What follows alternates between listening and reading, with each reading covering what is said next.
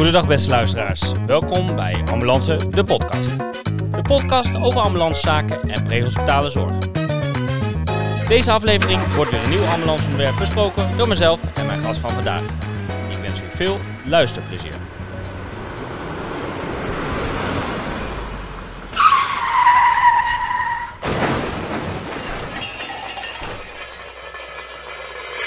Ja, goeiedag dames en heren, luisteraars van Ambulance de podcast.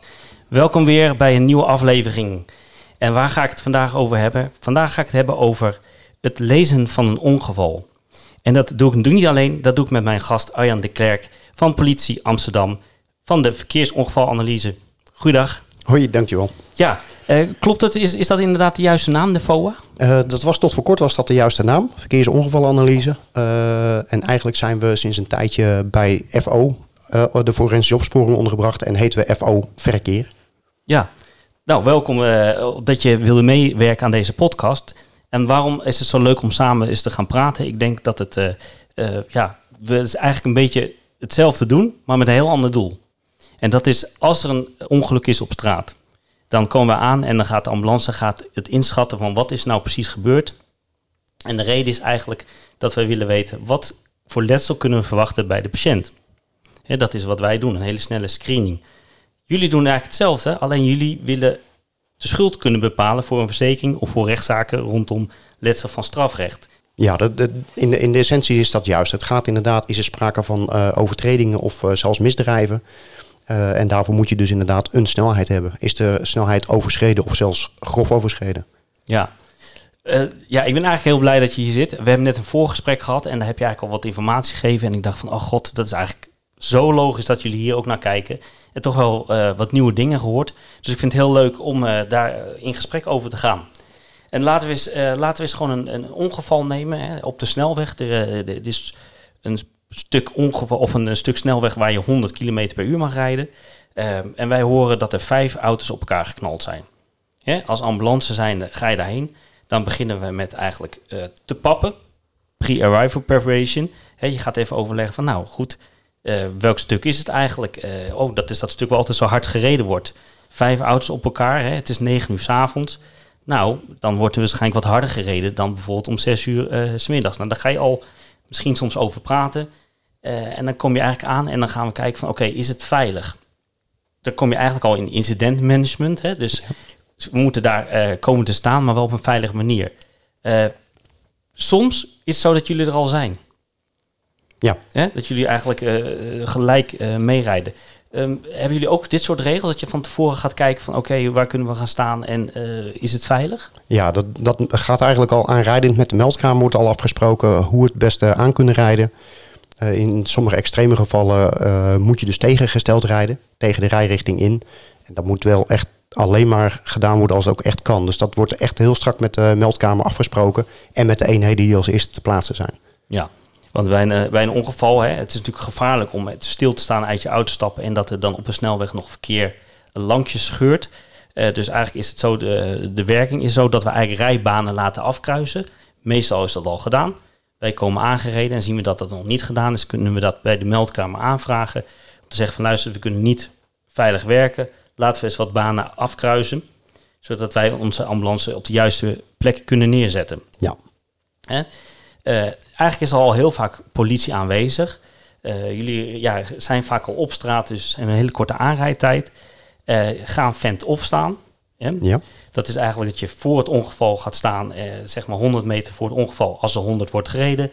Eh, stel dat het een weg was waar je 80 moest rijden, dan moet je in elk geval 80 meter van af gaan staan. Nou, dan komen wij aan en dan stappen we uit en dan kijken we om ons heen en dan denken we, oké, wat is hier gebeurd? Ja. Hoe is dat bij jullie? Uh, eigenlijk identiek. Um, uh, wij willen natuurlijk de, de sporen vooraf al volgen, voorafgaand aan het incident. Uh, want wat vooraf is gebeurd, vertelt iets over het verloop van het incident. Dus wij willen het liefste helemaal vooraan staan in het begin. Dat is niet altijd veilig, dus we kunnen ervoor kiezen om eerst voorbij het incident te gaan staan, daarna de foto's te gaan nemen en pas als alles weg is en iedereen weg is, dan gaan we terug naar het begin van het incident.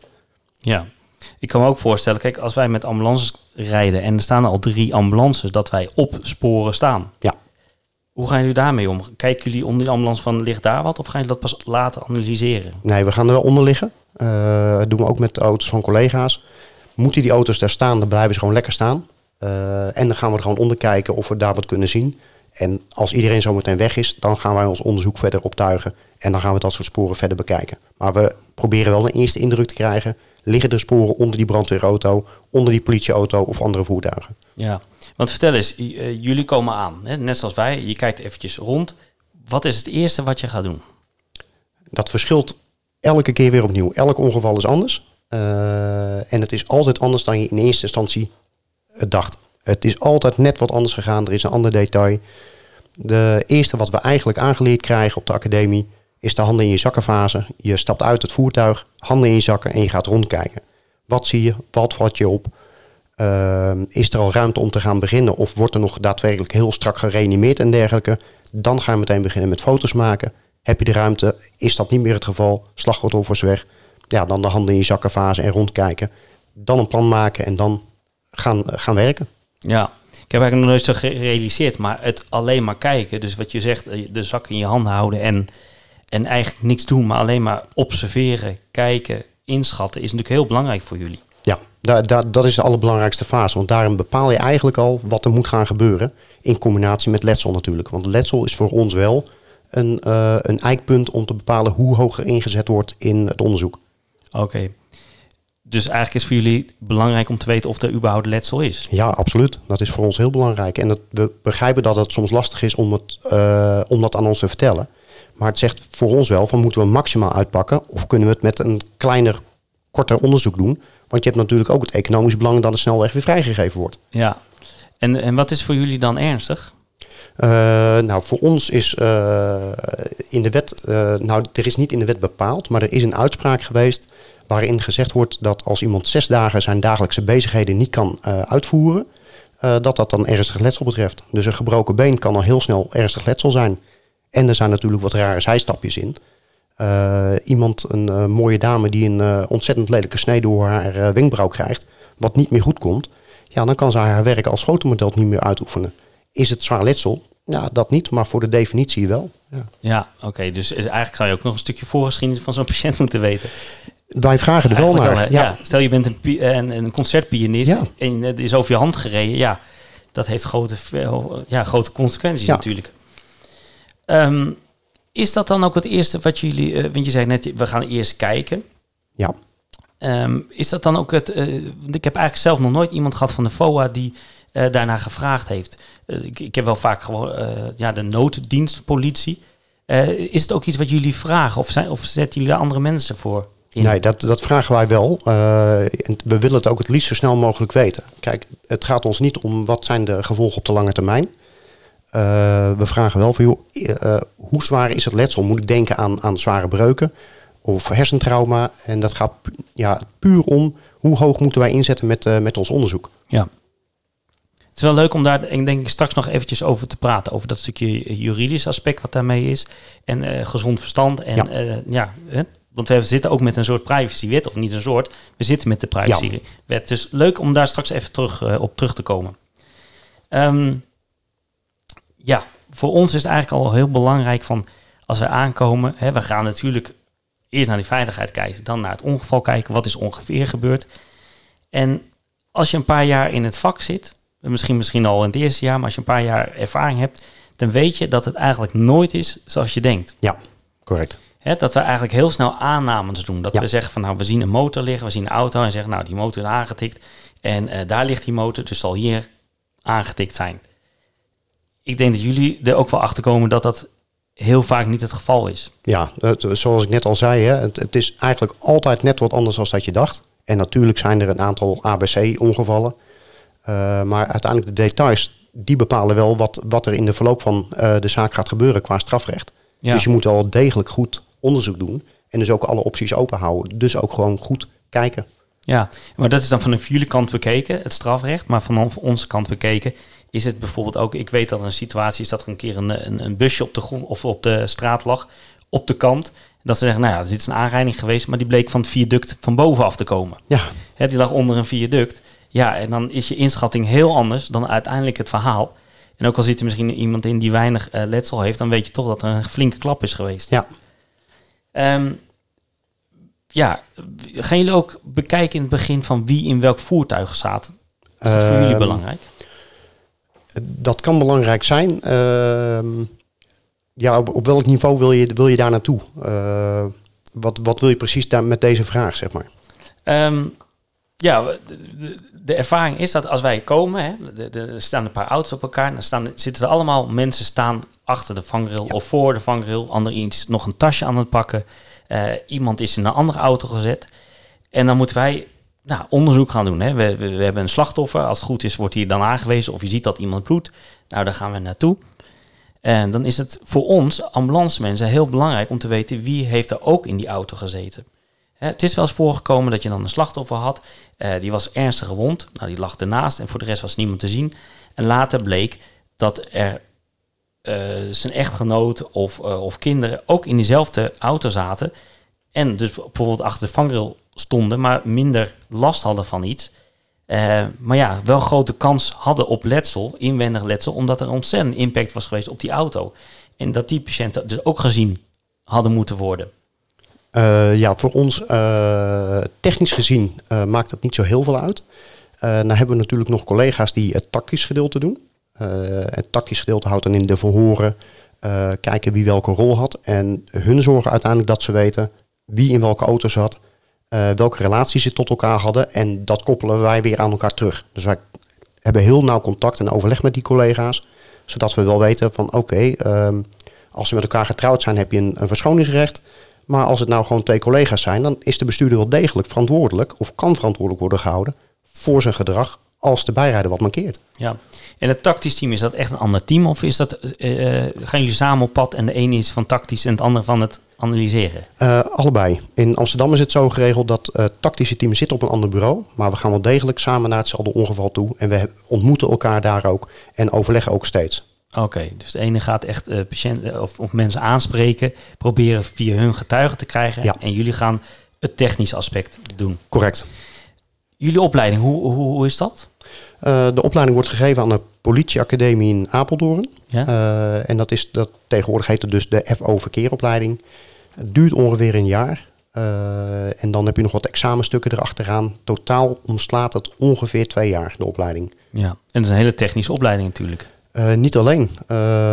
Kijk, je hebt science-stromers, waarin ik- er eentje van, bij, van ben. Ik heb dus geen reguliere politieopleiding gevolgd, maar ben voormalig automonteur. En ben in, zo in het vak terechtgekomen. Oké, Eh, en zo heb je dus ook gewoon de normale collega's uit de nooddiensthulp. eh, die dus eh, omgeschoold willen worden tot dit werk. ja. Maar de meeste zijn science-stromers, ja.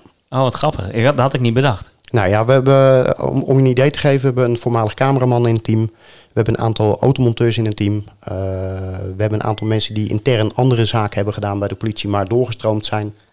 Ehm, een grafisch ontwerper komt eraan. Dus van allerlei pluimage die wel weer specifieke kennis meeneemt. Ja, ja het is natuurlijk eh, het is een ontzettend veelzijdig beroep waarin je dus eh, heel veel naar technische kant kijken.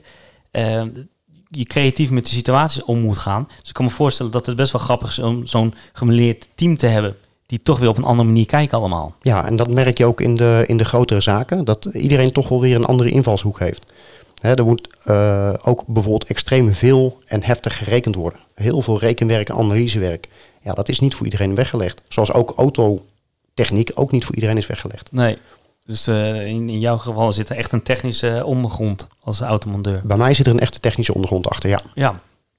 Goed, jullie lopen dan over zo'n ongevalplek. Jullie gaan eh, heel veel foto's maken in instantie. Dat zien wij ook altijd. Meteen hier flitsen. eh, ehm, zorgen dat er genoeg licht is. Eh, en dan, wij nemen een, een, een patiënt mee. Wat gaan jullie dan doen?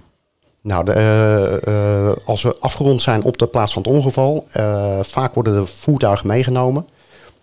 Die voertuigen, als ze ter plaatse het niet kunnen passen, doen we dat in werkplaats. Daar hebben we speciale, wij noemen dat het dambord. Dat is een, een vlak met allerlei vakjes in vaste afmetingen op een vlakke vloer. Daar gaan we de auto's in elkaar passen zoals wij denken dat ze in elkaar gebotst zijn. En vanaf het plafond kunnen we daar foto's mee maken. En daarna worden nog allerlei analyses gedaan, eventueel aan verkeersregelinstallaties. Brommers worden technisch gecontroleerd of ze niet te hard hebben gereden of dat ze opgevoerd zijn. Eh, auto's worden uitgelezen, eventueel als dat mogelijk is. Hè. Moderne auto's hebben heel veel computers aan boord. Dus daar, daar komt heel veel eh, eh, data uit. En dat alles bij elkaar moet antwoord geven op, op de onderzoeksvragen. Ja, interessant. Dus jullie gaan ergens anders gewoon het eigenlijk helemaal nabootsen. En eh, ook om de weg weer vrij te geven, neem ik aan. Ja, het, het, het hangt dus echt af van de locatie van het ongeval en de zwaarte van het ongeval. Eh, of we het ter plaatse doen of dat we het eventueel eh, in de werkplaats doen. En dat noemen wij dus zelf uitstelbaar of niet uitstelbaar onderzoek. Ja, van een dodelijk onderzoek zal altijd op Ter plaatse ter plaatse gebeuren. gebeuren, neem ik aan. Ja. ja. En duidelijk. Ehm, laten we eens wat, wat stukken bekijken van de auto. Ook misschien kan je wat tips geven voor ambulanceverpleegkundigen en chauffeurs. In, eigenlijk is het zo dat meestal de verpleegkundige meteen een soort tunnelvisie heeft naar de patiënt. Ligt daar een ernstige patiënt, dan ga je meteen helpen. Ehm, toch zou het lezen van het ongeval ons best wel wat extra informatie kunnen geven. Ehm, de chauffeur die heeft daar meestal ook de taak in. Hè. Die houdt ook vaak wat, wat meer veiligheid in de gaten. Gaat zo'n ongeval lezen, maakt misschien nog wel eens een fotootje. Eh, het zou leuk zijn als, eh, als we wat dingen gaan bespreken en je misschien wat tips zou kunnen geven aan ons. Hoe wij beter een ongeval kunnen lezen. En dan ga ik ook vragen wat jullie eh, daaraan zien. Bijvoorbeeld airbags. Ja. Ja, stel er is een airbag afgegaan. Waar kijken jullie naar? Ja, het gaat een beetje om de leeftijd van de auto, merk en type auto. De ene auto laat, wat oudere modellen laten vaak alle airbags in één keer afgaan. Moderne auto's alleen maar degene waar de zitplaatsen zaten. Of eh, zelfs alleen maar de richting waaruit de andere partij kwam. Ja. Dus dat, is, dat geeft al een idee over de richtingen waarin gereden werd. Oké, dus aan de airbags kun je al zien waar, eh, eh, ja, in welke richting ook de auto reed. In een aantal gevallen wel, maar niet in, al, niet in alle gevallen. Er zit altijd, aan ons werk zit altijd, 9 van de 10 keer klopt het, maar er zit altijd weer een maar. Ja. En kun je dan aan de airbags zien of moet je dan echt het uitlezen? Dus het, de, de computer uitlezen om te zien hoe dat werkte. Eh, soms geeft, het, vooral bij de duurdere auto's, geeft de airbag al de, de clue weg. Omdat je, je hebt gordijnse airbags of front airbags. En als het allemaal afgaat, dan weet je al dat er heel veel beweging in het voertuig is geweest. Eh, de meeste voertuigen, tegenwoordig zit een computer in die de airbags laat afgaan. Die bepaalt ook welke airbag af moet gaan. En zelfs tegenwoordig in drie gradaties worden airbags eh, geactiveerd. Ja. Eh, en die, eh, er wordt vaak dus ook bijgehouden hoe hard werd er gereden op het moment dat de airbags werden geactiveerd. Hoe lang deden ze erover om te deployen? Eh, maar ook werd er geremd of werd er gestuurd of waren er andere bijzonderheden in het voertuig gaande? Draaide de voertuig om zijn as, rolde die over zijn, over zijn kop? Wordt allemaal vastgelegd in de moderne voertuigen. ja. Dus eigenlijk maakt die moderne voertuigen dat het voor jullie het werk makkelijker wordt. Of is het juist ingewikkelder omdat er zoveel verschillende systemen zijn? Eh, het maakt het eh, enerzijds makkelijker omdat je meer data hebt. En aan de andere zijde wordt het ingewikkelder omdat het allemaal geanalyseerd moet worden. Ja. Als je vanuit de ambulance kijkt, hè, wat, wat wij doen is wij kijken, zijn airbags uitgegaan? Dat is ook om te vragen, heb je geen last van je oren? Hè? Ja. Het is een behoorlijke klap. Stel dat je een gesloten auto hebt en er gaan zoveel airbags uit, krijg je natuurlijk gewoon een drukgolf. Ja. Wat maakt dat mensen gewoon een piep in oor krijgen of een trommelvlies beschadigd zijn. Eh, voor de rest eh, is het een behoorlijke klap. Hè? Eh, Er, zijn, er zijn mensen overleden door een airbag, weet Ja, ik in het verleden. Die gewoon, een brandweerman ooit, die airbag ging uit en hij zat er tegenaan met zijn hoofd. Ehm, dus ook, ja, je krijgt er toch wel een klap van. Het beschermt uiteindelijk wel natuurlijk. Maar je kan natuurlijk wel een kneuzing hebben van je, van je borst. Ja. Ehm, het voordeel daarvan is, er komt ook wat talkpoeder uit, hè, maizena poeder. Eh, veel mensen denken eigenlijk dat een auto in de In de brand, staat. Ja. Eh, dus die mensen zijn eigenlijk heel snel uit het voertuig. En dat is voor ons wel weer makkelijk. Want dan hoeven wij niet te gaan te kijken van... oké, hoe moeten we die patiënt uit het voertuig hebben... met CWK, eh, hè, hoe noem je dat, ruggenwervel, letsel of zo... moeten we heel voorzichtig zijn. En deze mensen staan er gewoon al naast. Dus dat is voor ons in die zin makkelijker. Dus jullie kijken naar de airbag. Gewoon waar is iemand of hoe is iemand aangereden? Ja. Ehm, wat ik me ook altijd... eh, nu snap ik ook waarom sommige mensen zeggen... ja, ik snap niet dat die airbag niet is uitgegaan. Ja, omdat, omdat dit. Kijk, als je alleen maar front airbags hebt en die auto meet eh, geen frontale vertraging, maar een zijdelingse vertraging, zullen ze niet afgaan. Ja, en ik zie dat heel veel eh, patiënten daar zelf heel erg van opkijken. Dat ze eigenlijk niet snappen van ja, ik heb airbags, maar ze zijn niet afgegaan. Maar dat betekent dus uiteindelijk dat zij een ander systeem hebben, zeg maar. Eh, Dat is een mogelijkheid, ja. Het, het is zelden dat er een storing was. Dat zien we eigenlijk nooit terug. Eh, dus vaak is het zo dat, dat de eh drempelwaarden om zo'n ding te activeren gewoon niet bereikt zijn. Ja. Hoe groot is de kans dat een airbag achteraf nog afgaat? Want daar worden we altijd voor gewaarschuwd. Ja, daar worden wij ook altijd voor gewaarschuwd. Ehm, ik heb er zelf nog nooit van gehoord. Eh, ik weet ook bij de, de computer, er zitten condensatoren in. En die zijn nog een paar minuten na een aanrijding zit daar nog spanning op. Die zijn nog actief. Dus theoretisch zou die af kunnen gaan. In de praktijk heb ik er nog nooit van gehoord. Maar ik neem er ook geen risico mee. En wij hebben ook in de auto van die speciale airbagvangers. Voor om de stuur, stuurhoezen noemen we Ja, dat. Ja. hetzelfde wat de, eh, wat de brandweer doet. Hè? ja, exact dezelfde, ja. Die doen er eventjes iets aan. Maar goed, dat is de airbag van, van stuur. Maar de zij-airbags, daar kan je geen vanger op doen. Nee, klopt. Dus daar moet je dan ook nog mee rekening houden. Ja, nou is het natuurlijk zo dat wij, eh, de hulpverlening heeft altijd voorrang. Ja. Eh, dus tegen de tijd dat wij met die voertuigen aan de gang zijn, is er vaak al wel enige tijd eh, verstreken. En de veilige marge in tijd is een kwartier. Ja. Ik hoorde ook dat er tegenwoordig al airbags in de motorkap zitten. En juist de bescherming voor de Voetganger. voetganger, die klopt. wordt aangereden. Ja. ja. Laten we eens naar de gordels gaan. Wij kijken, heeft, heeft iemand een gordel aangehad? En dat is meer om te kijken, heeft iemand gordelletsel? Hè? Dat t-shirt gaat uit, dan gaan we kijken, zien we rode verkleuringen.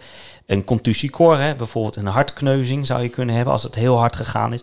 Ehm, buikletsel. Eh, kinderen die bijvoorbeeld in een gordel zaten en dan de, de, de gordel eigenlijk achter de rug omdoen. Hè? Dan worden ze, krijgen ze juist letsel van de buik. Dus daar kijken wij naar, daar vragen wij naar. Wat zien jullie aan gordels? Hoe kan je controleren of een gordel om heeft gezeten? En zijn er tips? Nou, er zijn meerdere dingen eh, waar wij het aan kunnen zien. Eh, vaak als een auto airbags heeft, heeft hij ook gordelspanners. Eh, en 9 van de 10 keer, maar ook nu weer de uitzonderingen, maar 9 van de 10 keer blijft de gordel uit. Dus hij blijft in afgerolde positie blijft hij liggen. Sommige moderne auto's kun je hem tegenwoordig één keer uittrekken, rolt hij hem weer op. Ja. Maar over het algemeen blijven ze liggen. Waar we ook naar kijken is oprekking van de gordel. Dus op het moment dat een lichaam een grote voorwaartse kracht krijgt vanwege de aanrijding, rekt die gordel op en smelt hij een beetje. Die vezels smelten in elkaar. En daar kijken wij dus ook naar. Dus wij kunnen zien, ook al is die opgerold, of die gedragen is. Heb je nou een hele oude gordel met heel veel slijtsporen, ja, dan wordt het wel weer wat lastig. ja. En dat is ook waarom die bij de APK meegenomen worden, denk ja, ik. Hè? klopt. Ja. Eh, klopt het ook dat er zo'n uit zo'n gordelhouder zo'n rode lip klapt? Som, Ja, sommige wel. Ja, eh, bij een aantal Opels kun je dat duidelijk zien dat er een rood stokje naar buiten komt. Bij wat duurdere auto's zie je vaak een, eh, ja, er komt ergens een rood staafje komt naar buiten. Ja, ja. Dus het handigste wat, wat, wat wij kunnen doen is even aan de gordel trekken en kijken van zit er spanning op, ja of nee. ja, correct. En zit er een rood lipje uit het, ja, de houder, zeg maar. Ja, maar dat moet je als indicatie zien. Niet als, als dat, dat is altijd zo. Ja. Dan kreukelzones. Ja. Hè? Ehm, de, de mensen die al lang in het vak zitten, die weten dat vroeger eh, waren, kwamen mensen gewoon sneller gewond uit een voertuig. Tegenwoordig kunnen auto's ontzettend veel energie absorberen. Ja. Ehm, dat maakt het ook lastig voor ons om in te schatten van hoe hard is nou iets gegaan. Hè, soms zie je heel veel schade en dan blijkt het allemaal wel mee te vallen. En soms zie je weinig schade en dan blijkt de impact toch wel heel groot te zijn. Ja. Wat zien jullie aan kreukelzones? Hoe bekijken jullie dat? En, en wat kunnen jullie voor tips geven om iets meer over de snelheid, of snelheid te zeggen? Ja, kreukelzone, het woord zegt het al. Hè. Het is bedoeld om op te kreukelen om zoveel mogelijk energie weg te leiden van de inzittende. Eh, dus eh, de tips die wij dan hebben om te kijken hoe hard het gegaan is, of er echt een klapper is geweest, is eh, de kooiconstructie. En dan kijk je dus naar de A-stijlen. Dat zijn de raamstijlen naast de vooruit. Dat zijn de A-stijlen. Zijn die geknikt, gebogen, dan is het hard gegaan. Kijk, een motorkap krult altijd op. Spatborden kreu- kreukelen ook allemaal op. Daar, daar is het ook voor gemaakt. De auto tegenwoordig, moderne auto, is gemaakt met een eh, zelfdragende carrosserie. Of een monocoque chassis eh, noemen ze het ook wel. En er komen twee balken aan de voorzijde uit. Die balken, daar wordt eh, de motor op opgehangen. Er wordt aan de onderkant wordt er de voorwielophanging op, opgehangen. Dus dat is heel sterk, heel hard. Is dat verbogen? Ja, dan weet je dat het echt hard is gegaan. Maar we kijken ook naar de eindpositie van de voertuigen en eventuele betrokkenen. Dus als er een fietser aangereden is, waar ligt de fietser? Waar ligt zijn fiets? Waar staat de auto ten opzichte van het punt van aanrijden? En dat zijn allemaal tips bij elkaar die ons een clue geven over een gereden snelheid. Ja. Ehm, is het ook zo, dat heb ik ook wel eens gehoord, dat bij een analoge meters op de, de, auto, hè, dat is op misschien een broodje aanval, maar als er een, een, een incident is geweest, dat ze blijven staan op de snelheid die gereden is. Is dat ook zo? Nou, daar heb ik toevallig net een. eh, er is onderzoek naar gedaan. En ik heb dat onderzoek gebruikt weer in een onderzoek, onderzoek van mijzelf. Eh, er zijn een aantal meters die geven inderdaad, die blijven staan. En die geven een betrouwbare indicatie. Eh, het blijkt echt dat het grootste gedeelte gewoon een niet betrouwbare indicatie geeft van de vastgeslagen snelheid. Er is nu op het moment een onderzoek gaande. En die kijken naar eh, de, de impact van de naald op de wijzerplaat. Dus door de klap van de auto buigt de wijzernaald een beetje door. En die geeft dan een tikje op de wijzerplaat. En dat tikje proberen ze nu eh, te onderzoeken of dat inderdaad een goed punt is van onderzoek. Dat loopt op dit moment, is dat gaande. Ja, maar dat is dan meer voor jullie, dat kunnen we daar op dat moment, zegt dan natuurlijk helemaal niks. Nee, sterker nog, dat kan alleen maar door de hele meter-unit uit elkaar te sleutelen. En Ja. met een, eh, op dit moment met een microscoop de plaat te bekijken. Ja. Ja. En het uitlezen van zo'n boordcomputer, doen jullie dat altijd eh, in een werkplaats of doen jullie dat ook wel eens te plaatsen? Eh, op dit moment zijn we een beetje in discussie. Het gaat op dit moment altijd in de werkplaats. We nemen voertuigen vaak in beslag voor verder onderzoek. Waaronder dus ook dit soort computers uitlezen. En er is een beetje, nou niet discussie gaande, maar er is wel overleg gaande van willen we nou ook zo'n computer in de auto hebben? Want in een aantal gevallen neem je een auto in beslag en dan ga je pas twee, drie dagen later kom je eraan toe om die auto uit te lezen. Ja, iemand is dan wel die dagen zijn auto kwijt. Eh, dus op het moment dat je het lokaal kan oplossen, kan je eh, misschien besluiten van nou, die auto gaat ons niks vertellen, dus die kan terug. Ja. Ja, ik, ik, ik zit te denken dat voor jullie proces natuurlijk wel handig, maar het uitlezen van een computer duurt nu zo lang dat wij daar eigenlijk als ambulance niks aan hebben. Nee, ja, de- en, en niet alle computers zijn uit te lezen door Nee. ons. Eh, sommige moeten er gewoon eh, de computer gedemonteerd worden en gaat die terug naar de, naar de fabrikant. En die geeft ons dan een rapportage. Ja.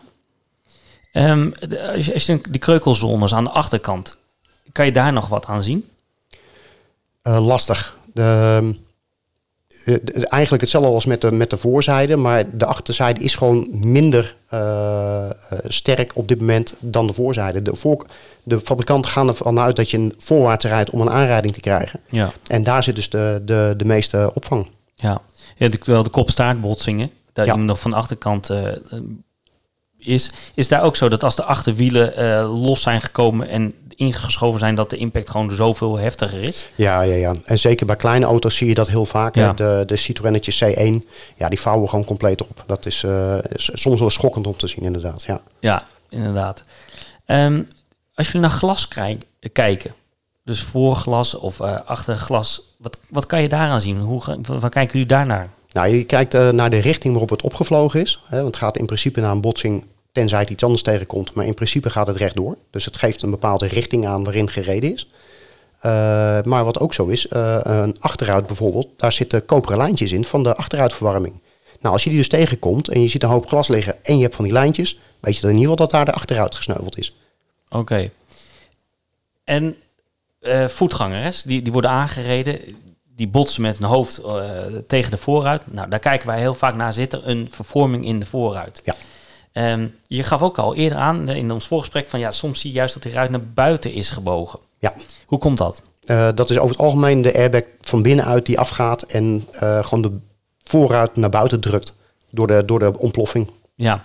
Krijg je daardoor extra letsel bij patiënten of Ehm, die- en bedoel je de voetganger? ja? Nooit opgevallen. Laat ik zo zeggen, ik heb nooit het verband kunnen leggen, maar ook niet over nagedacht. Nee, want je zei eigenlijk, er gaat heel veel energie zitten in dat, in dat eh, of het is een soort demping, hè, die ruit. Ja, Ehm, juist doordat die kapot gaat, komt er ook wel demping in. ja, Ehm, dus je zou kunnen eh, beredeneren, dus eerst komt de ruit naar buiten. En dat gebeurt voordat die ganger wordt eh, voetganger wordt aangereden.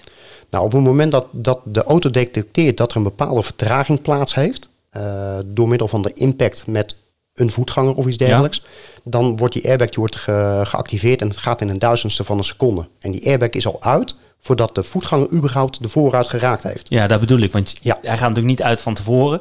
Nee. Maar op het moment die aangeraakt is, dan worden die benen, eh, in principe zitten de benen natuurlijk aan de onderkant, worden aangeraakt.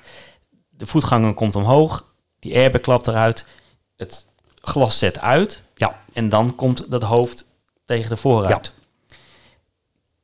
Kijken jullie dan naar haren? Eh, wat voor onderzoek doen jullie verder? Ja, we, we kijken altijd bij fietsers en voetgangers van vinden we een punt waar het hoofd eh, de vooruit geraakt heeft. En dat zie je inderdaad vaak stukjes weefsel, eh, een plukken haar. En dan moet je ook nog even kijken van komen ze van de binnenkant of van de buitenkant die plukken haar. Want soms heeft de bestuurder of een bijrijder zijn gordel niet gedragen. En dat kan ook zo hard gaan dat het gewoon complete stukken weefsel en, en haar aan de binnenkant van eruit. eh dus wel even kijken of je het inderdaad goed aan de buitenkant of aan de binnenkant ziet. Ja. Eh, nemen jullie dat soort letsels in, in, eh, in verslagen op? Of is dat meer voor dat jullie dat aan de medici kunnen vertellen, zeg maar? Eh, we geven het altijd mee aan het ambulancepersoneel. Eh van joh, moet je hier even kijken, want hij heeft met zijn hoofd daar en daar gezeten. Het heeft alleen maar zin om dat te vermelden. We vermelden het wel in de processen verbaal. Hoofd heeft daar het vooruit gera- geraakt met vaak een fotootje van een plukje haar. Ja. En zeker ook als het aan de binnenkant geweest is, omdat dat dus aangeeft dat iemand zijn gordel niet gedragen heeft. ja. Kan je nog meer zien aan de voorkant? Om de ruit heen? Om de ruit heen, ja zeker. Eh, zeker voor voetgangers en, en fietsers ook weer. Kijken we naar de A-stijl, of daar deuken in zitten, of de daklijst. Eh, bij de meeste auto's is die daklijst is keihard. Die A-stijl is dan sowieso bij elke auto keihard, want dat is de constructie van de kooiconstructie. Eh, dus als daar een deuk in zit, dan kan je ervan uitgaan dat dat een hoofd geweest is. En dan eigenlijk weten wij al dat het neurotrauma is, wat serieus ernstig is. Ja. Ja. Ehm, dus, eh, dus eigenlijk als main tip voor de mensen die dat gaan kijken. Loop even naar de voorkant. Kijk één naar het glas. Zit er haar op of niet? Zit er een vervorming in? Ligt het glas er misschien uit van de airbag of ziet er wat aan de buitenkant? En eventjes naar de constructie kijken. Of zitten de deuken in rondom het raam, zeg ja. maar. En dan vooral inderdaad de daklijst en de A-stijlen, die zijn wel echt eh, essentieel daarin. Ja, En je kan ons natuurlijk ook altijd even vragen. Hè? We zijn zeer ter dienste om dat even Ja. om jullie mee te nemen in het verhaal. want eh, stel er is een ambulance. Heb jij enig idee wat voor informatie wij belangrijk vinden?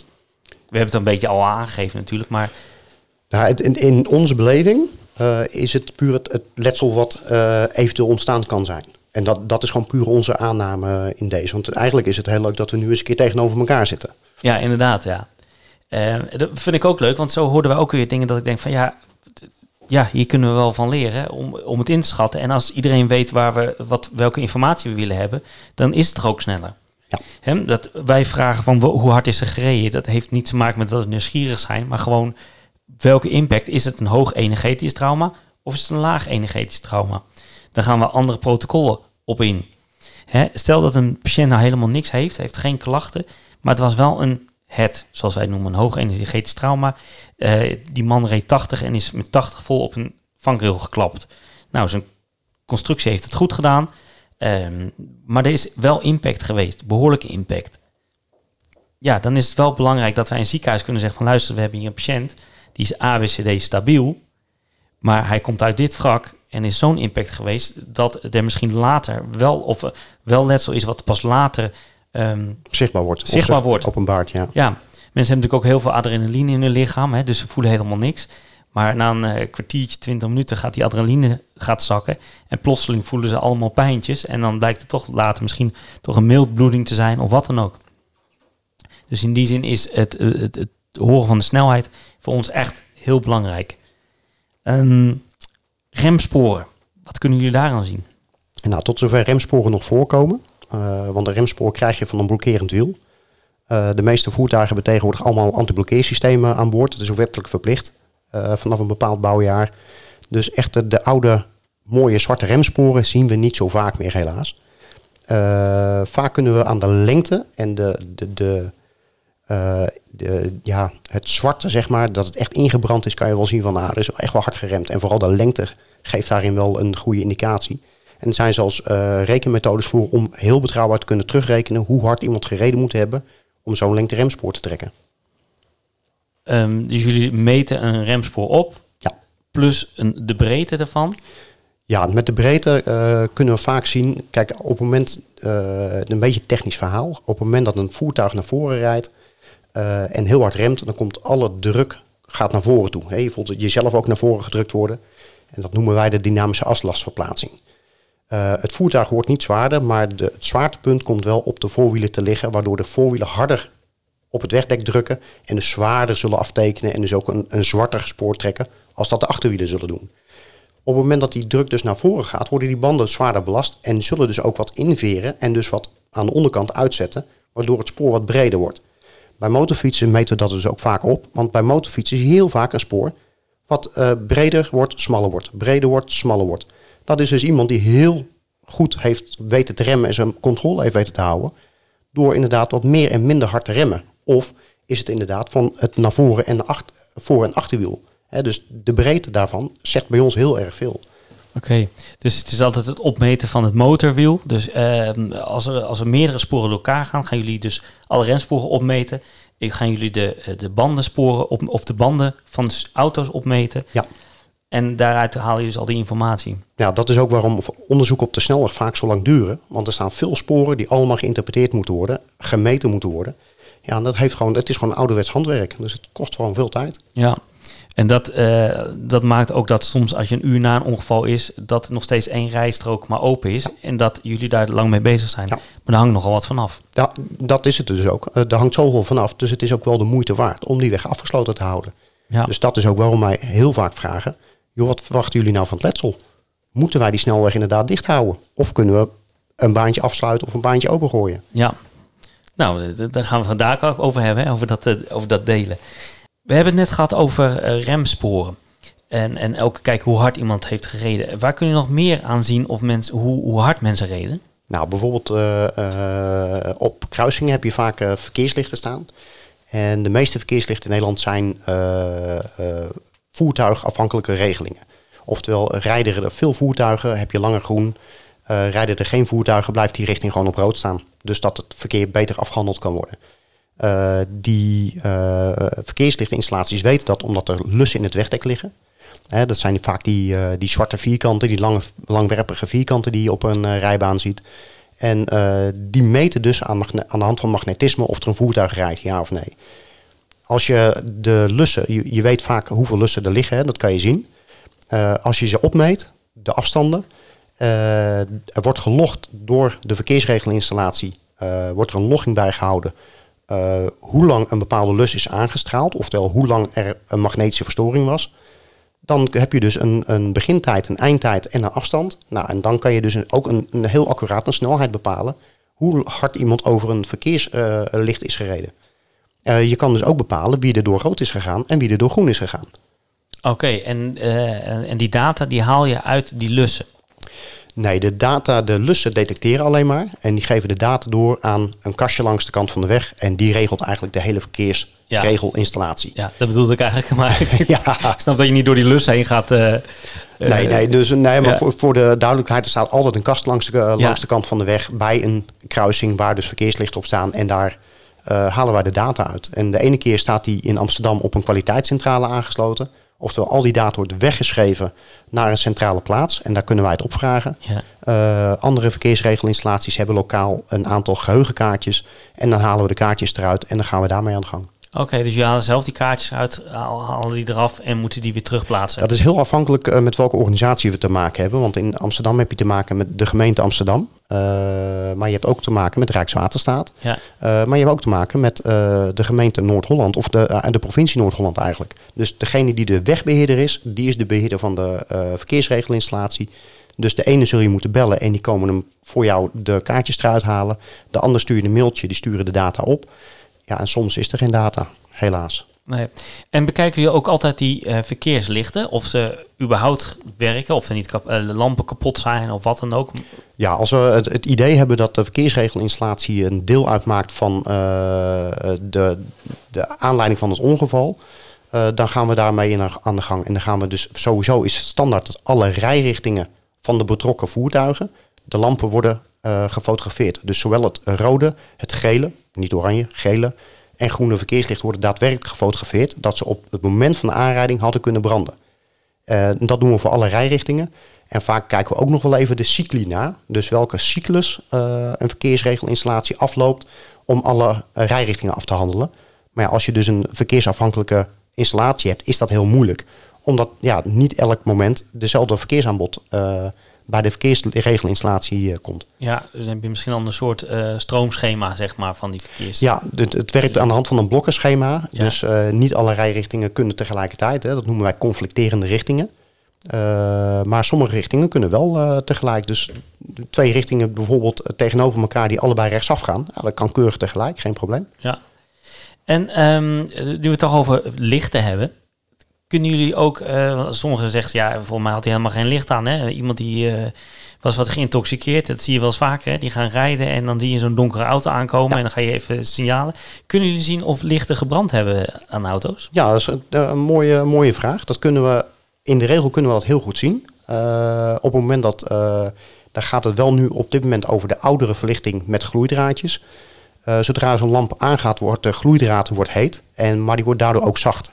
Dus op het moment dat eh, er een aanrijding plaatsvindt, gaat die of breken. En dan eh, zie je vaak een eh, afdruk van het gas wat vrijkomt als het breekt op het glas. Dat is vaak een beetje dat kwikachtige wat je op lampjes ziet. Hè, soms heb je wel eens een lampje wat gesprongen is. Dat lijkt dan kwikachtig te zijn. Ja. Maar wat je vaak ook ziet, is dat zo'n spiraaltje meebuigt in de richting van de impact. Dus ook weer die massatraagheid waar wij zoveel mee doen. Eh, als je het lampje aandoet en je slaat het bijvoorbeeld in je hand, dan buigt hij al mee met de richting waarop jij slaat. Ja. Dus daaraan kunnen we vaak zien, dat noemen wij een warme vervorming, kunnen we zien dat een lamp gebrand heeft. Dus jullie nemen ook eigenlijk altijd bij die werkplaats de lampen eruit en gaan die bekijken. Als het eh, eh, een, een onderzoeksvraag is, eh, ja zeker. Vooral bij bromfietsen op, op die donkere fietspaden, zeker in Noord en in Zuidoost. Ja, dan nemen we de bromfiets mee. Eh, maar vaak doen we ter plaatse al, omdat het zo kwetsbaar is, halen we daar al de lampjes eruit. En proberen we al vast te stellen, ready met of ready zonder verlichting. Ja, dat doe je ter plekke. Dat proberen we ter plekke te doen, want het is wel teer, eh, teer spul. Dus dat is eigenlijk wel uitstelbaar, niet uitstelbaar. Nou, ik hou het vaak op niet uitstelbaar. Ja. En doe je dat gewoon met het oog? Gewoon een lampje er tegen en kijken Ja. hoe ziet het eruit? Ja, en dan speciaal fotograferen. Het fotograferen is wel een, eh, een, een, een vak apart, hè, want je Ja. moet heel erg inzoomen. Eh, en dan heb je ook nog spiegeltjes in lampjes zitten vaak die reflecteren. Dus, eh, maar we doen het, je kan het gewoon met blote oog zien. Ja. Oké.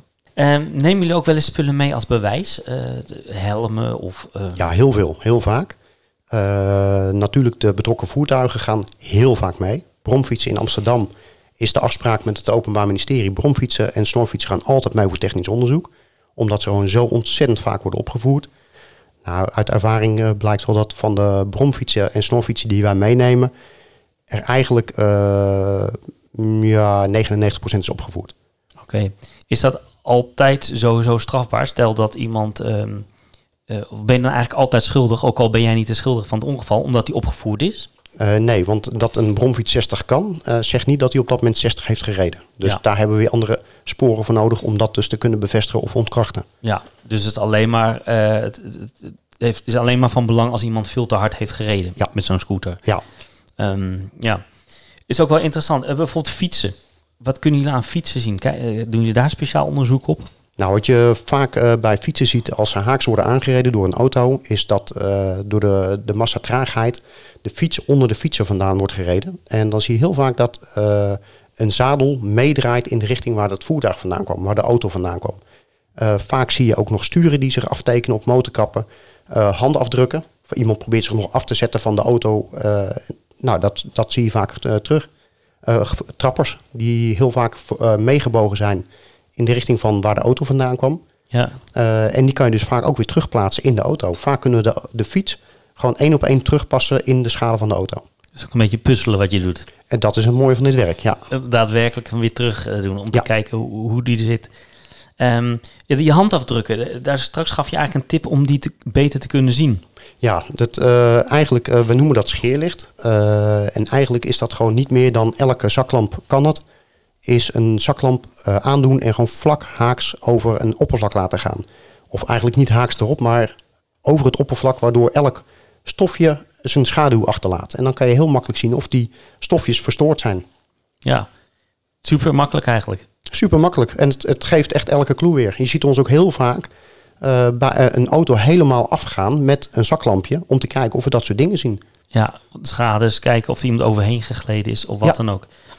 Ehm, brommers, kijken jullie daar nog speciaal? Je zei ze zijn vaak opgevoerd. Zijn er nog andere dingen die je...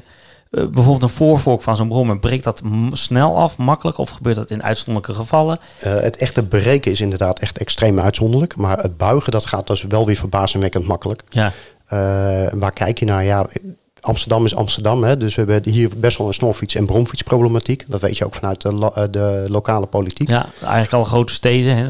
Ja, Ja. en in Amsterdam wat dat betreft wel voorop. Eh, Maar we doen op straat dus al meteen een, een intake. Eh, hebben de remmen kunnen werken? Eh, waren de banden in orde? Klopt het nummerplaat met de VIN-nummer? Dat controleren we ook echt op straat al. En we gaan op zoek naar opvoersets of sterker nog snelheidsbegrenzers. Want Ja. daar zijn er heel veel van in Amsterdam. Ja, dat, dat, dat zal zeker, ja. Eh, als we even over motorrijders gaan, hè, dat is voor ons eigenlijk ook altijd wel heel erg belangrijk. Uit welke richting kwam die motor en hoe is die tegen het voertuig aangebotst? En dat is ook weer, eh, heeft ook weer te maken met letsel. Hè? Ja. Als mensen ehm, plotseling vanuit frontaal eh, tot stilstand komen en ze worden over dat stuur heen geslingerd als het ware, dan blijven die bovenbenen wel vaak, die klappen dan zeg maar tegen, tegen het stuur aan, waardoor de grote kans is dat hun bovenbenen gebroken zijn. Eh, eigenlijk iedereen die uit een voertuig wordt geslingerd of een motor, hè, een motorrijder wordt vaak vergeslingerd, is natuurlijk een hele grote kans op eh, secundair letsel doordat ze ergens tegenaan komen. Ja. Eh, het, doorrollen is eigenlijk nog vaak het beste. Mensen worden wel eens aangereden en die rollen door, maar die energie eh, blijft natuurlijk lekker doorrollen. Ja, be- beter is om te glijden. Glijden. glijden. Ja, en zeker met een goed motorpak. glijden, ten eerste ben je de grootste oppervlakte. Eh, dus vertraag je snel, dus lig je snel stil. Ja. Eh, de pakken zijn erop gemaakt, ook om te glijden. En rollen geeft toch vaak, eh, ja, je kan je ledematen niet bij je houden. Zo hard gaat het vaak en dat breekt allemaal af. ja. Ben je motorrijder? Ik ben zeker motorrijder, ja. Dus ook altijd als je in de zomer van die mensen voorbij ziet komen in een t-shirtje en korte broek, dan denk je ook van, oh jongens, als, Ja. je, als je het dus weest. Ja, als, nou inderdaad, ja. Ja, zo'n dossier van jullie. Wij schrijven een medisch dossier. Wat staat er in zo'n dossier van jullie? Uit wat voor dingen bestaat het? Dat is ook weer per ongeval verschillend. Eh, heb je grote zaken, heb je zelfs heel vaak deelprocessen verbaal. Hè, want een dossier heet bij ons gewoon een proces verbaal. Eh, en als je dan grote zaken hebt, dan krijg je een apart proces verbaal van eh, het onderzoek, technisch onderzoek van het voertuig of van de voertuigen. Je krijgt een apart eh, proces verbaal van de opname van het plaatsongeval. Dus waar lag wat? Eh, wat zag je aan de verlichting? Wat zag je aan de verkeersregelinstallatie? Bijzonderheden aan de weg of aan de wegindeling of iets dergelijks. En zo bouw je een compleet dossier. Bestaat dus uit meerdere processen verbaal. En dus ook nog van de tactische collega's de verhoren. Die zijn ook belangrijk. Ja, vaak zal het een heel technisch verhaal zijn voor jullie. Ik weet niet of die rechters dat altijd snappen. Ja, lang niet altijd. Eh, het is dus ook aan ons de schone taak om het zo begrijpelijk mogelijk te omschrijven. En een enkele keer word je nog wel eens eh, ontboden eh, om uitleg te komen geven. Ja. Ja. dan ga je naar de rechtbank toe om precies uit te leggen Ja, hoe dat... eh, om toelichting te geven. En vaak zijn dan ook de, alle advocaten aanwezig die hun vragen ook kunnen stellen. Ja. Oké, dus een veelzijdig eh, beroep heb je eigenlijk. En verschrikkelijk veelzijdig. Ik heb de mooiste baan ter wereld met een, ja, een klein zwart randje. Net zoals Ja. jullie eigenlijk. Ja. En hoe vaak ben je dan op straat te vinden en hoeveel zit je op kantoor? Ja, dat is ook weer heel lastig. Kijk, de coronatijd heeft er wel voor gezorgd dat we veel meer binnen zitten. Eh, er zijn minder aanrijdingen. Eh, maar de aanrijdingen die er dan zijn, zijn dan wel meteen goed, zeg maar. Want er wordt gewoon over het algemeen harder gereden. Ja. Eh, maar ik kan je geen percentage geven van, nou, we zijn zoveel bij een ongeval en zoveel zitten we binnen. Want je doet ook nog werk voor collega's. Eh, hè, want ik gaf al aan, we hebben een heel gemeleerd team. Met mensen met eh, bepaalde sterke kanten. Eh, dus als er nu collega's op straat zijn en die hebben dan niet de technische kennis, dan krijg ik de, het verzoek om hun auto's of hun bromfiets te onderzoeken.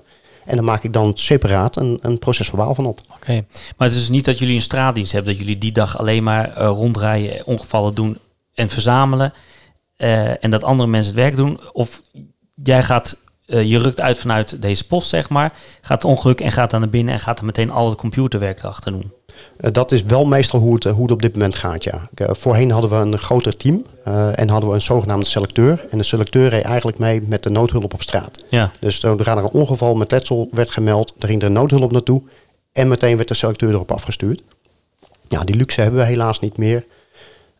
Dus op dit moment is het zo dat we, we luisteren mee met de portofoon. En we horen aan het verkeer vaak al dat het ernstig is en gaan we rijden. Eh, en anders worden we gebeld door de collega's op straat voor overleg. Van joh, we zien dit en dit, we hebben dat en dat. Eh, is het wat voor jullie? En dan hebben wij vaak nog aanvullende vragen van joh, zie je dat of is het dat aan de hand? Of heb je andere bijzonderheden? En dan komen we alsnog wel even kijken. ja want wat maakt dat jullie ingezet worden dan? Want er zijn best wel heel veel eh, ongelukken met letsel. In, in, in, is dat dan een stukje zwaar letsel of matig letsel? Eh, nou, de, de, in principe zijn wij eh, in het leven geroepen als FOA voor eh, de ongevallen met zwaar letsel. En dan heb je dan de definitie. Ja, wat is dan zwaar letsel? Ja. Dat is dus dat mensen die zes weken hun dagelijkse bezigheden niet kunnen uitvoeren. Dat is het zware letsel. Maar ook als er nou... Zes weken of zes dagen? Zes weken. Zes weken. Zes. Oh, weken, ja. ja. En als je dus eh, onbegrijpelijke zaken hebt of er is enorme economische schade... of als bekende Nederlanders, Amsterdam, veel bekende Nederlanders... dus als die erbij betrokken zijn, gaan we ook altijd gewoon even te plaatsen. Meer omdat er heel veel media-aandacht naartoe Omdat er heel veel media-aandacht aankomt en dat het dan toch wel handig is als er gewoon goed onderzoek gedaan is. Eh, en er komen ook altijd vragen vaak uit. Ja. Eh, en die wil je gewoon kunnen beantwoorden. Ja, nee, snap ik. Ehm, je, je gaf al eens aan, het is wel eens een stroeve samenwerking met de ambulance, omdat ze eigenlijk eh, ja, niet, niet, niet wat vertellen, willen vertellen. Ja, het- dat, dat is dan de ervaring die wij dan zo hebben. Hè? Ja. Eh, joh, eh, wij- wij zien dit en dit. Wat kan je me vertellen over het letsel? Ja, en dan, dan loop je soms tegen de muur aan. Van, ja, dat mag ik je niet vertellen. Ja, En dan zeg ik er wel eens bij, van joh, moet je horen, het is in het patiëntenbelang dat ik weet wat hij ongeveer heeft. Ja. Omdat ik dan weet van, ga ik maximaal insteken? ja, Of maak ik nu de inschatting verkeerd en dat ik met een kleiner onderzoek toe kan? ja, Dus het, uiteindelijk doen wij het ook voor het patiëntenbelang. ja.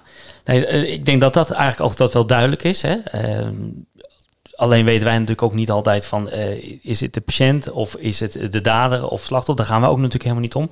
Ehm, ik heb dat eventjes opgezocht, hoe dat nou precies zit. Ik, ik wist het wel een deel. Ehm, maar verpleegkundigen hebben natuurlijk een beroepsgeheim. Ja. Ja? En hier staat bijvoorbeeld... Alle medewerkers van zorginstellingen en een ambulance, hoort daarbij... hebben een direct of afgeleid beroepsgeheim... en een hieruit volgende zwijgplicht. Dat betekent dat een medewerker in beginsel... zonder de expliciete toestemming van de patiënt... geen informatie mag geven eh, over de patiënt. Dus, en dat geldt ook voor het, het aantal letsels, zeg maar. Ehm, en op dat moment vraag je natuurlijk naar letsel. Ja. Nou is het zo eh, dat als een patiënt toestemming geeft om, om vragen te antwoorden, jullie eigenlijk alle vragen mogen stellen. Dus eh, als jullie aan ons vragen van, eh, kunnen jullie wat stellen over het letsel, dan zullen we dat op dat moment niet vertellen. Dat mogen we gewoon niet. Soms gebeurt het wel eens, van het is licht of zwaar letsel ongeveer, maar officieel mogen we dat niet vertellen. Ehm, wat jullie zouden kunnen doen is gewoon van, mag ik wat vragen? Zou ik even, zouden jullie aan de patiënt kunnen vragen of wij nog wat vragen aan hem mogen stellen? Als hij dan zegt ja, dan mag die ambulance gewoon open en dan mogen jullie in die ambulance komen om wat vragen te stellen. Dus een patiënt mag altijd toestemming geven daarvoor. En dat is natuurlijk ook voor ons, wij mogen ook eh, onderzoek niet tegenhouden. Eh, maar stel dat een patiënt zegt nee, dat vind ik niet goed. Ja, dan mo- mogen we daar ook inderdaad niks over zeggen. Maar ook in het belang van de patiënt is dat natuurlijk eh, eh, vaak wel handig als die wat informatie kan geven. Ook net zo na ongeluk zit het misschien nog vers in zijn geheugen. Ja. Ehm, dan eh, ja, aan jullie de tip, zeg maar. Vraag gewoon of de patiënt daar toestemming voor geeft. En dan vragen wij dat. En dan mogen jullie de vraag aan stellen. Nou, ik, ik hoop wat dat betreft ook dat er meerdere collega's deze podcast gaan beluisteren. En inderdaad de tip te harte nemen van joh, vraag het even aan de ambulancemedewerkers. Vraag even aan de patiënt, mogen we erbij? Of vinden die het goed om wat vragen te beantwoorden? Ja, Het spanningsveld is natuurlijk wel dat wij heel vaak bij zware ongevallen komen. eh, waarbij de patiënt of niet goed aanspreekbaar is. Of waarbij er gewoon haast geboden is dat hij in het ziekenhuis terechtkomt. ja. Maar goed, dan weten jullie ook vaak wel dat het een ernstig ongeluk is natuurlijk. Dat, daar gaan we dan wel van uit. Eh, en er zijn ook wel eens collega's die zeggen, ambulance collega's, zo van joh, ik mag er niks over zeggen. Maar ik zou hoog inzetten als ik jou was. Dan weten we ook wel genoeg. Ja, dat, dat is natuurlijk ook zo. En dat gaat natuurlijk ook zo over het- blazen hè, na een ongeval. Ja. Ehm, er moet onderzoek gedaan worden. Op het moment dat een patiënt in een ambulance zit, is dat een onderzoekskamer. En ehm, het mogen derden eigenlijk niet bij dat medisch onderzoek zijn.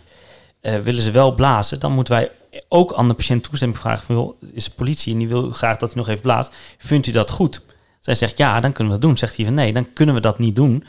En dan betekent dat wij naar het ziekenhuis moeten gaan en dat de politie maar naar het ziekenhuis moet komen en contact moet opnemen met de, ehm, hoe noem je dat? De functionaris Ja. van de ambulance dienst of dan in dat geval van het ziekenhuis. ja. Ja, om daar toestemming voor te vragen. Het gaat ook vaak via een forensisch arts op dat moment Ja. natuurlijk. Er gaat heel veel tijd mee verloren. Gaat veel tijd mee verloren, maar het is wat het is. Ja, we moeten het ermee doen, helaas. Ja. Ja, en eh, dat is ook een taak van de, eh, van politie om gewoon te zorgen dat ze er snel bij zijn om te laten blazen eh, en gewoon vragen om toestemming. En dan zie je dat patiënten eigenlijk ook al heel snel meewerken eigenlijk. Ja, dat, ja, ik weet niet hoe de collega's op straat dat eh, doen. Ik kan dan nu alleen maar voor mezelf spreken. Maar het is natuurlijk wel lastig om zo die ambulance binnen te stappen en te weten dat er iemand wel behandeld wordt, vaak aan letsel. Ja, eh, maar dat is natuurlijk ook, het is ook niet de bedoeling dat je eh, naar binnen wandelt. Het is natuurlijk gewoon een chauffeur die staat heel vaak toch aan de buitenkant. Op een gegeven moment komt hij naar buiten omdat hij eh, moet gaan rijden. En dat is het moment eventjes voor aanschieten. Of om hem aan te schieten van luister eens, we zouden graag nog een paar vragen stellen, ook in het belang van de patiënt. Is het mogelijk? En dan zal hij hopelijk goed aangeven, ook op basis van of het wel kan of niet kan, van nou, we moeten nu echt naar het ziekenhuis. Of ja, jullie mogen rustig even wat vragen stellen. En in heel veel gevallen is dat ook zo. Nou, de, mooie tip voor de luisteraars. Ja. Ehm, het is ook zo, het, is ook zo met legitimeren is dat zo. Hè? Mogen eigenlijk ook niet onderling zomaar eh rijbewijzen uitwisselen. Dat zie je ook wel eens gebeuren van, oh, ik schrijf eventjes mee. Eh, maar ook dat mag officieel niet. Moeten we daar toestemming voor vragen aan de patiënt. Dus ook wel een tip, want je kan natuurlijk eh, later wel gedonden meekrijgen. Als er een rechtszaak is en een advocaat zegt, luister eens, eh, hoe weet de politie dat hij het was? Want de, persoon heeft het nooit verteld. Ja, dat, dat is het spanningsveld. Ja. Dat is het spanningsveld wat er eigenlijk altijd is tussen politie en ambulance en ziekenhuizen en politie. Ja.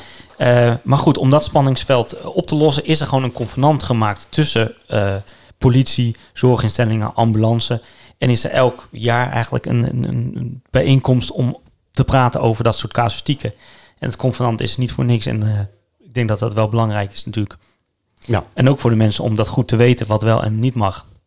Ja, dat, eh, het- het- ik wist dat het convenant er was. Maar het, het is inderdaad wel, je hebt het meegebracht, het ligt voor me. Ik ga het ook zeker lezen en delen. Maar het is eh, wel grappig dat we weten dat het er is, maar waar het dan te vinden is, dat is dan altijd wel weer moeilijk. Dat is altijd wel lastig Ja. inderdaad. En ik denk dat eh, nou, misschien de podcast hier een stukje bijdraagt. Maar voor iedereen die op een ambulance werkt of bij de politie werkt of in dit soort gevallen ermee te maken heeft, ga gewoon op zoek naar het convenant van jouw dienst met de politie. En daar staat gewoon heel duidelijk in wat wel mag en wat niet mag. En er staan nog veel meer dingen in waar we mee te maken hebben. En wat, eh, ja, wat ons kan helpen. Ehm, volgens mij is het meeste wel gezegd. Ja, nou, je, je hebt een aardig vragenvuur eh, op losgelaten. Ik weet ook niet hoeveel tijd er verstreken is ondertussen. Eh, we zitten op 51 minuten, dus dat is een podcast binnen het uur. Eh, dat doen we goed. Ehm, ja, er zijn heel veel vragen eh, beantwoord. Eigenlijk de moraal van het verhaal: wij kunnen op straat elkaar best helpen. Zeker, Hè, goed absoluut. helpen. Ja. Eh, het staat heel vaak gewoon in het belang van de patiënt. Dus ook voor ambulancepersoneel, zeg niet te snel van nee, het kan niet. Hè, ook voor de patiënt is het van belang. Dus als er een mogelijkheid is dat de politie nog wat vragen kan stellen, laat ze dan die vragen stellen en vraag het dan wel aan de patiënt. Ja. En dan voor jullie eh zijnde van jullie kunnen ons helpen door gewoon snel met informatie te komen van eh, welke impact is geweest, hoe hard is gereden en wat zien wij aan de voertuigen. Ja, en, wij zijn ook gewoon heel benaderbaar. Dus kom naar ons toe. Eh, wij zijn herkenbaar over het algemeen aan de gele vestjes of de gele jassen. Eh, binnenkort worden ze overigens vervangen door nieuwe gele jassen met FO verkeer op de, achter, eh, op de rug. Dus benader ons ook gewoon. Daar zijn, ook daar zijn wij voor. Want uiteindelijk hebben we allemaal hetzelfde belang. En dat is, ja, jullie noemen het patiënt. wij noemen het betrokkenen. En voor alle betrokkenen, ook de eventuele verdachte, is het gewoon van belang dat, dat we het beste onderzoek kunnen doen van beide zijden wat er gedaan kan worden. Ja, Ja, om uiteindelijk de patiënt en de betrokkenen te helpen. Hè? ja precies. op de langere termijn. Want het is natuurlijk heel fijn als je wordt aangereden en het, het is nooit duidelijk hoe dat nou gebeurd is en wie nou de schulden geeft.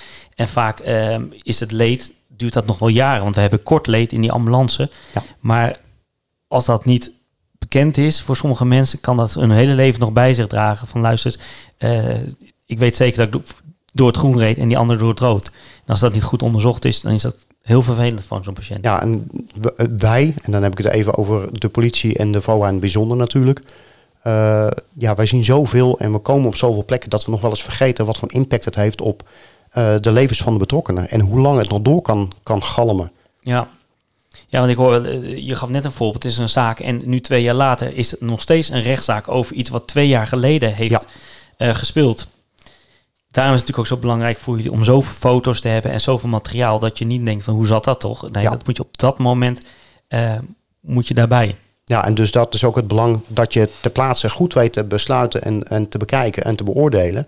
Is het uitstelbaar onderzoek of is het niet uitstelbaar onderzoek? Kunnen we het nu doen Of moeten we het nu doen? Of kunnen we het ook later in de werkplaats nog doen? Ja. Dus het uitlezen van de auto, dat kan morgen in de werkplaats. Maar de plaats waarop die nu staat op de weg, eh, in de positie waarin die uiteindelijk er- terecht is gekomen, dat moeten we nu vastleggen. Ja. Ik, ik bedenk meteen wat we nog niet besproken hebben. Wat kan je als tip geven voor ons als wij een, bijvoorbeeld iemand ligt onder een fiets en die fiets moeten we verplaatsen of eh, we moeten dingen aan de kant zetten om een goede hulpverlening te doen voor de patiënt. Wat zou, hoe zouden wij jullie kunnen helpen? Ja, kijk, je, je moet er tijd voor hebben, hè, want jullie belang is gewoon echt eh, de, de eerste hulp verlenen. Moet je dingen verplaatsen of maak even een foto, mits dat allemaal mogelijk is, eh, of markeer het even. Eh, en vooral met fietsen die op een bepaalde positie liggen, is het wel eens handig om gewoon even het stuur te markeren en even de onderkanten van de wielen. Dan weten we meteen, dan hebben we drie herkenningspunten, kunnen we zo op terugplaatsen. Kan het dan heel graag, kan het niet, ja, dat, dan, dan maar niet. Dan probeer het op een andere manier. Ja, maar in elk geval eh, vertel als je dingen meeneemt of een rugzak of wat dan ook, waar lagen ze? Ja. Of laat ze liever liggen.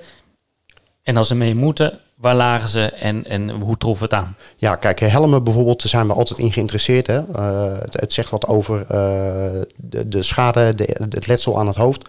Maar jullie willen graag ook weten wat er met die helm is. Dus daar hebben we wel een dubbel belang.